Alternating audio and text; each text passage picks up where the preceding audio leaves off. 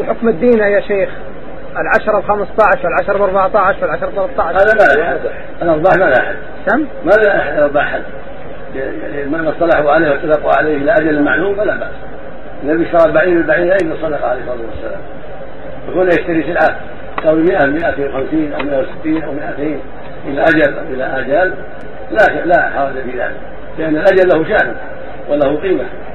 يسلم بعض الفلوس في مجلس العقد يسلم لا بأس يسلم بعضها والباقي مؤجل أقساط لا حرج في ذلك. إذا كانت أقساط معلومة وليس الربح حد معلوم.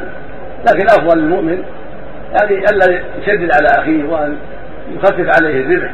هذا شيء المؤمن مع أخيه ولكن ليس لهذا حد محدود. لكن يا شيخ هنا الكثير منهم إذا يعني جاء جاب المقترض منه وأخذ القماش هذا ب 15000 عندما يجي يشيله يقول له خلونا نقسم عن كل عن كل كيسه وكل صندوق 5 ريال.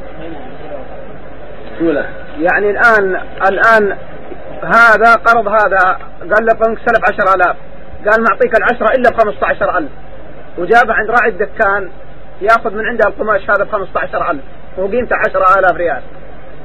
يعني حيلة لا يشتري قماش من مال المعلوم إلى أجل المعلوم.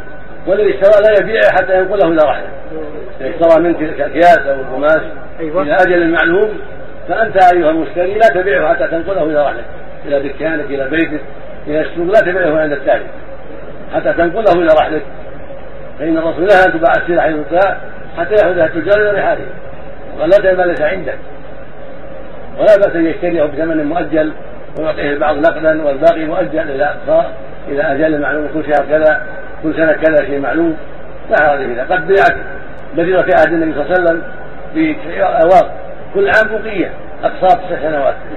نعم. لكن الشيخ إذا كانوا متفقين الاثنين البائع والتاجر على المشتري. ولا يتفقوا عليه والمال موجود؟ لا بأس. لكن لا يبيع شيء مهم في ملكه.